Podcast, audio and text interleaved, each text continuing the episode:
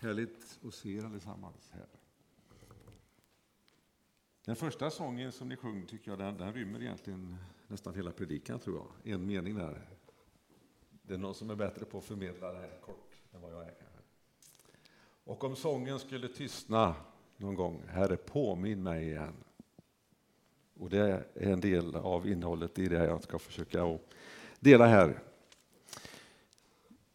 Jag tycker ju om att vara ute en del och fotografera när man får tillfälle, som säkert några av er, eller många av er kanske vet, när jag ser här. Det är ju höst, mycket fina färger kan man tycka. Och då skulle man kanske önska att nu skulle jag vilja gå ut och fånga några bra bilder. Sen går dagarna och ja, när man har tid så är det fel väder kanske och så här, så det blir inte så mycket.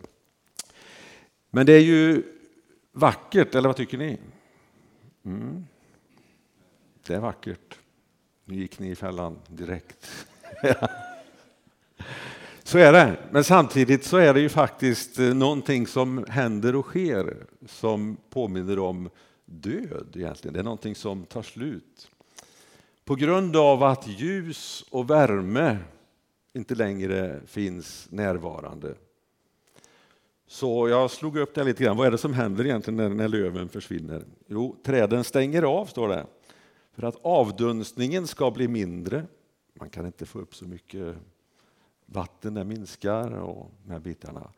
Och det står som så att bristen på ljus och den lägre temperaturen gör att bladskaften blir mindre hållbara och till slut lossnar lövet från grenen. Det blev en liten predikan för mig när man läser det. Det är nästan så det skulle kunna vara taget ur Bibeln, men det var det inte. Det var någon som skrev om träd. Det är ganska förutsägbart, väderleken, även om den har varit, är extrem på ett sätt. Men säsongerna är förutsägbara. Det är här där vi bor så är det vinter och det är vår och sommar och höst och sen går det på på det viset. Våra liv är inte riktigt lika förutsägbara. Det är säsonger i våra liv också. Men det innebär inte att den säsongen eller den tiden jag är i nu kommer tillbaka efter fyra cykler eller någonting. Det jag står i nu, det kanske är unikt, det kanske jag aldrig mer kommer att möta, men vi möter olika saker genom livet i alla fall. Men just det här med att avdunstningen blir mindre, träden sluter sig på något sätt för att spara på det lilla som finns. Det blir ett ganska egoistiskt sätt kan man tänka. Man har ingenting att ge ut, utan det lilla, lilla man har, det behåller man inom sig istället för att dela med sig. Det ser fint ut, de här färgerna och allt det. Och jag tänker, så kan det vara i våra liv också i de här säsongerna vi befinner oss. Ibland så känner vi att vi har ingenting att ge ut, utan det lilla jag har av tron på Jesus, det behåller jag i mitt hjärta. Det är bara precis det som jag behöver för att kunna överleva inför nästa dag.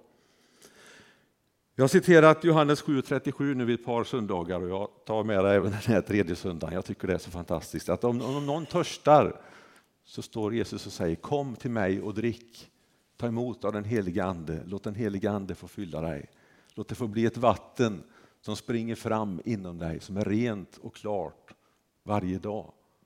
Vi behöver inte törsta vi behöver inte skifta från grönt till rött och orange. Hur fint det än kan vara så behöver vi inte göra det, för det finns levande vatten att få för varje dag.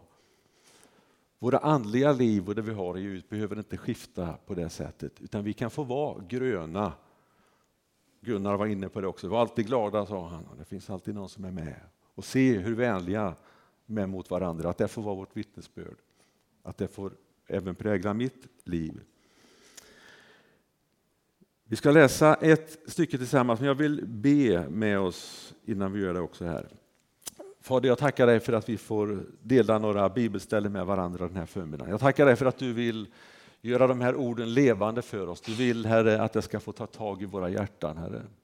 Jag tackar dig för att det finns ingen som kan undervisa, ingen som kan tala tydligare än den heliga Ande in i våra liv. Och jag tackar dig för att ditt ord i sig själv, Herre, när den heliga Ande får röra vid oss, det är den näring, det är det du vet att vi behöver, Herre. Så därför tackar jag dig för att ditt ord som vi får lyssna till, Herre, det gör någonting med oss. Och jag ber helige Ande, låt det få bli liv in i våra liv. Amen. Det första stället som jag tänkte på när vi talar om det vi gör, det är egentligen Romarbrevet 12 och 2. Det står anpassa er inte efter den här världen utan låt er förvandlas genom förnyelsen av ert sinne så ni kan pröva vad som är Guds vilja. För den här skiftningen som pågår, det är ju på något sätt ändå att man anpassar sig efter den säsong som man går in i. Man anpassar sig, alla andra blad blir gula och röda, så varför skulle inte mitt blad vara gult eller rött?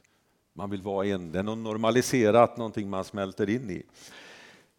Men så ska inte våra liv vara som kristna, utan där vi är, där ska det märkas och det ska höras på våra liv och i vårt vittnesbörd där vi går fram. Och det som är grunden för den här predikan egentligen, det är en mening i Hebreerbrevet kapitel 10. Och vi läser verserna 32 till 35. Kom ihåg den första tiden när ljuset nådde er. Ni fick utstå hård kamp och mycket lidande. Dels blev ni hånade och plågade och gjorda till offentligt åtlöje. Dels stod ni sida vid sida med andra som behandlades så. Ni led med fångarna och accepterade med glädje att bli fråntagna era ägodelar eftersom ni visste att ni ägde något som är bättre och bestående. Och så kommer vers 35. Så kasta inte bort er frimodighet, den ger stor lön. Hebreerbrevet, en församling som får ett brev som både uppmanar till att inte tappa den frimodighet som finns och vill påminna också om det stora som Gud har gjort genom Jesus Kristus. Om den nåd som finns i vad han gjorde på Golgata. Hur det gamla förbundet inte var tillräckligt, men att Jesus kom med någonting nytt och att man behöver påminna sig om detta för att inte tappa sin frimodighet.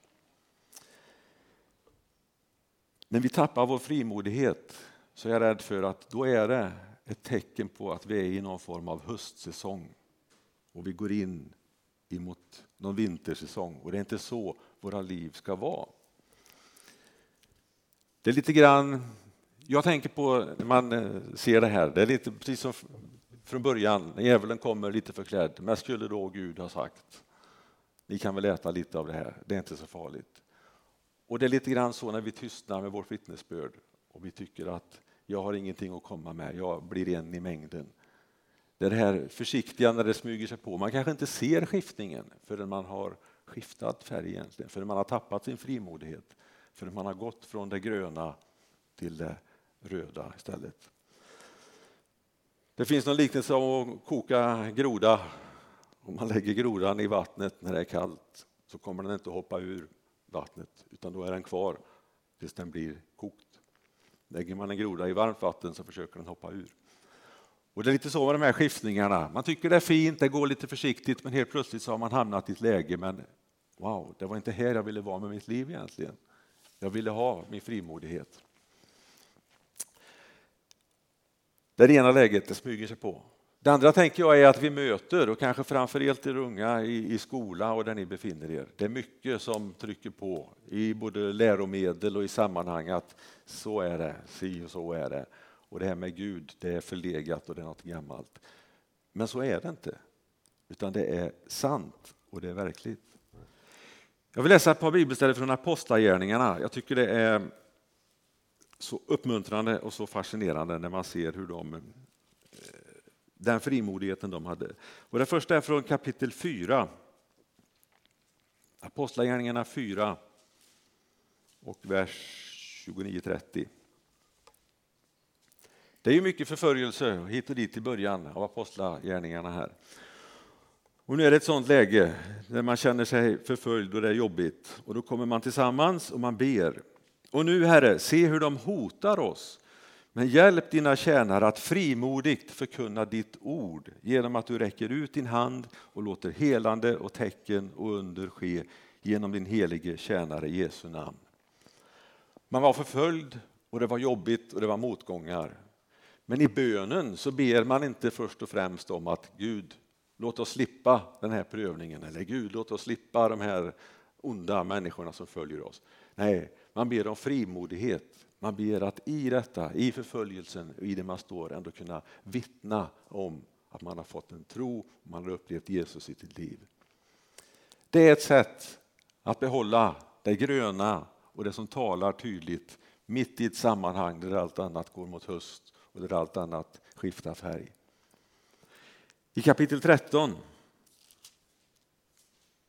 det är också ett sånt där härligt ställe, jag tycker de är otroligare. De har varit och predikat, startat nya typ församling och varit, går från stad till stad och möter människor. Och överallt där de går så möter de motstånd på ett eller annat sätt. Och här i slutet på kapitel 13, kan läsa från vers 50, så står det så här. Men judarna hetsade upp de förnäma kvinnorna som vördade Gud och de ledande männen i staden. De satte igång en förföljelse mot Paulus och Barnabas och drev bort dem från sitt område. Men då skakade de av dammet från sina fötter mot dem och fortsatte till Ikonium. Och lärjungarna uppfylldes av glädje och den helige ande.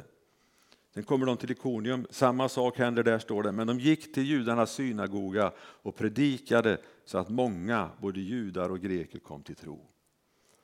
De mötte förföljelse och motstånd men det var inte det som på något sätt slog ner modet på dem eller att de slutade.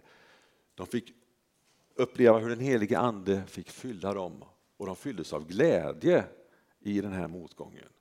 De borstade av dammet och gick vidare och predikade. Det säger någonting om vad det innebär att låta sig fyllas av den helige ande och få vara det här gröna mitt ibland det röda. Ingen partipolitik i detta nu, så ni får inte läsa in i det. Valet har varit, det pågår i och för sig. Men, men visst kan det vara så. Tänk än en gång på, på de här, den här gemenskapen, Hebreerbrevet. Det är både okänd författare och mottagare till viss del i det här. Det finns lite olika teorier om detta. Men på något sätt så är man andra generationens kristna, tror man. De som var med och fick ta till sig vittnesbördet första gången och startade församlingen och fick uppleva under och tecken. De som var med då hade fått flytta hem. De var inte kvar längre i större utsträckning i alla fall, utan det var den nya, det var andra generationen. Och nu är man i mitt sammanhang där man börjar kanske tappa sin frimodighet och glömma bort det som de första kristna fick uppleva. Och nu kommer brevet här. Låt er påminna er om vad ni har i Jesus och genom vad han har gjort och hans blod. Kanske har du, liksom jag ibland, man tappar sin frimodighet och man glömmer bort ibland vad Jesus har gjort egentligen. Men det var som sången här, att vi behöver påminna oss varje dag tror jag om vad Gud har gjort och det får styrka vår frimodighet. Det kan också vara så att du tappar din frimodighet på grund av att du känner att du har misslyckats på något sätt. Att vem är jag att kunna säga någonting, att kunna vittna? När jag vet att jag brottas med det här och jag brottas med detta och jag föll där och jag gjorde fel där. Då är det inte alltid så lätt kanske att ha den här frimodigheten om sig. Utan då är det lätt att skifta färg och bli en i mängden och vara som alla andra. Men jag vill läsa några versar också ifrån Hebreerbrevet 10 här för dig som pekar på att det är inte på det här viset. Det handlar inte någonting om vad du kan prestera och vad du kan göra. Det du behöver göra det är att ta till dig av den här nåden och leva i detta. Vi tittar i Hebreerbrevet här igen. Vi kan läsa verserna 9 och 10 tror jag det ska vara. Här.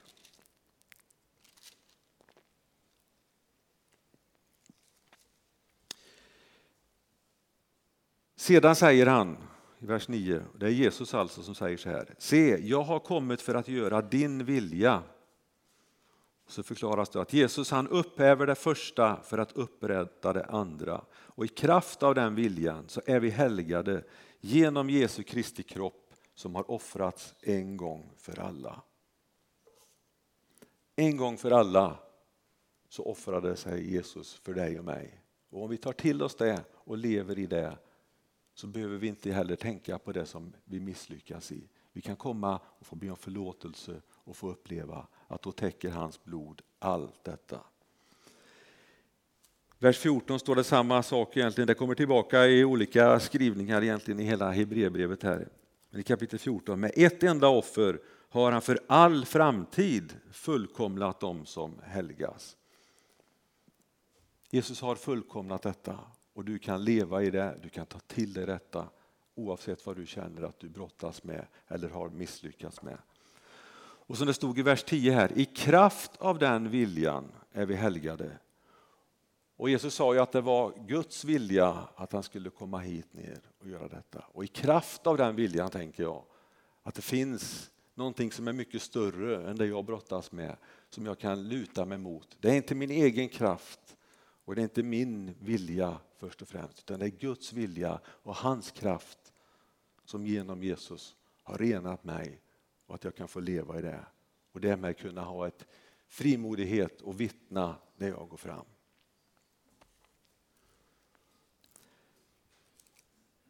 Däremot så uppmanas vi här också då om vi tittar i vers 36 och 37. Att vi behöver uthållighet för att göra Guds vilja, står det i vers 36. Ni behöver uthållighet för att göra Guds vilja och få vad han har lovat. För ännu en kort liten tid så kommer han som ska komma och han ska inte dröja. Jag tror vi lever i den här sista säsongen. Vi lever i höst om vi tittar ut över världen.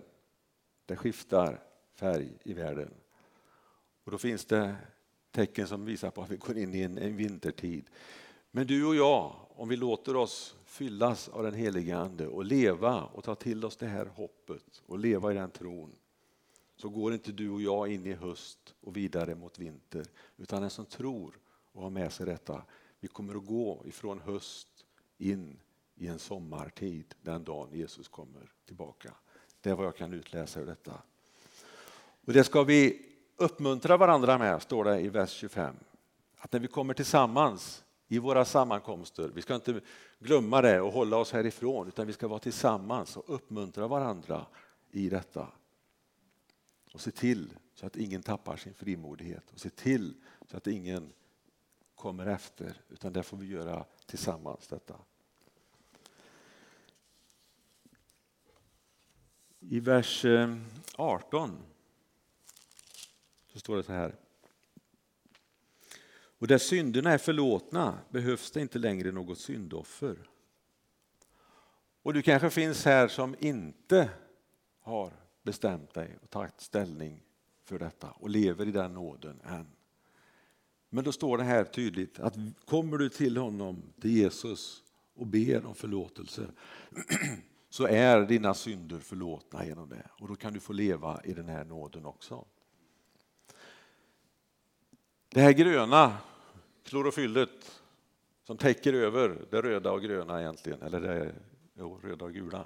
Det gröna täcker det röda och gula.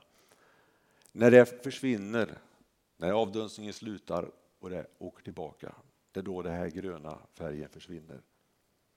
När du och jag som kristna inte lever och låter oss fyllas varje dag av den helige Ande, då kommer vår frimodighet att tystna.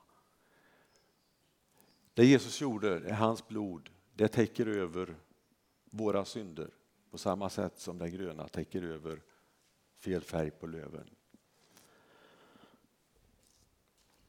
Och vi ska inte på något sätt anpassa oss efter det och tappa vår frimodighet utan vi ska leva i det och låta oss fyllas varje dag. Efesierbrevet kapitel 5 och vers 18.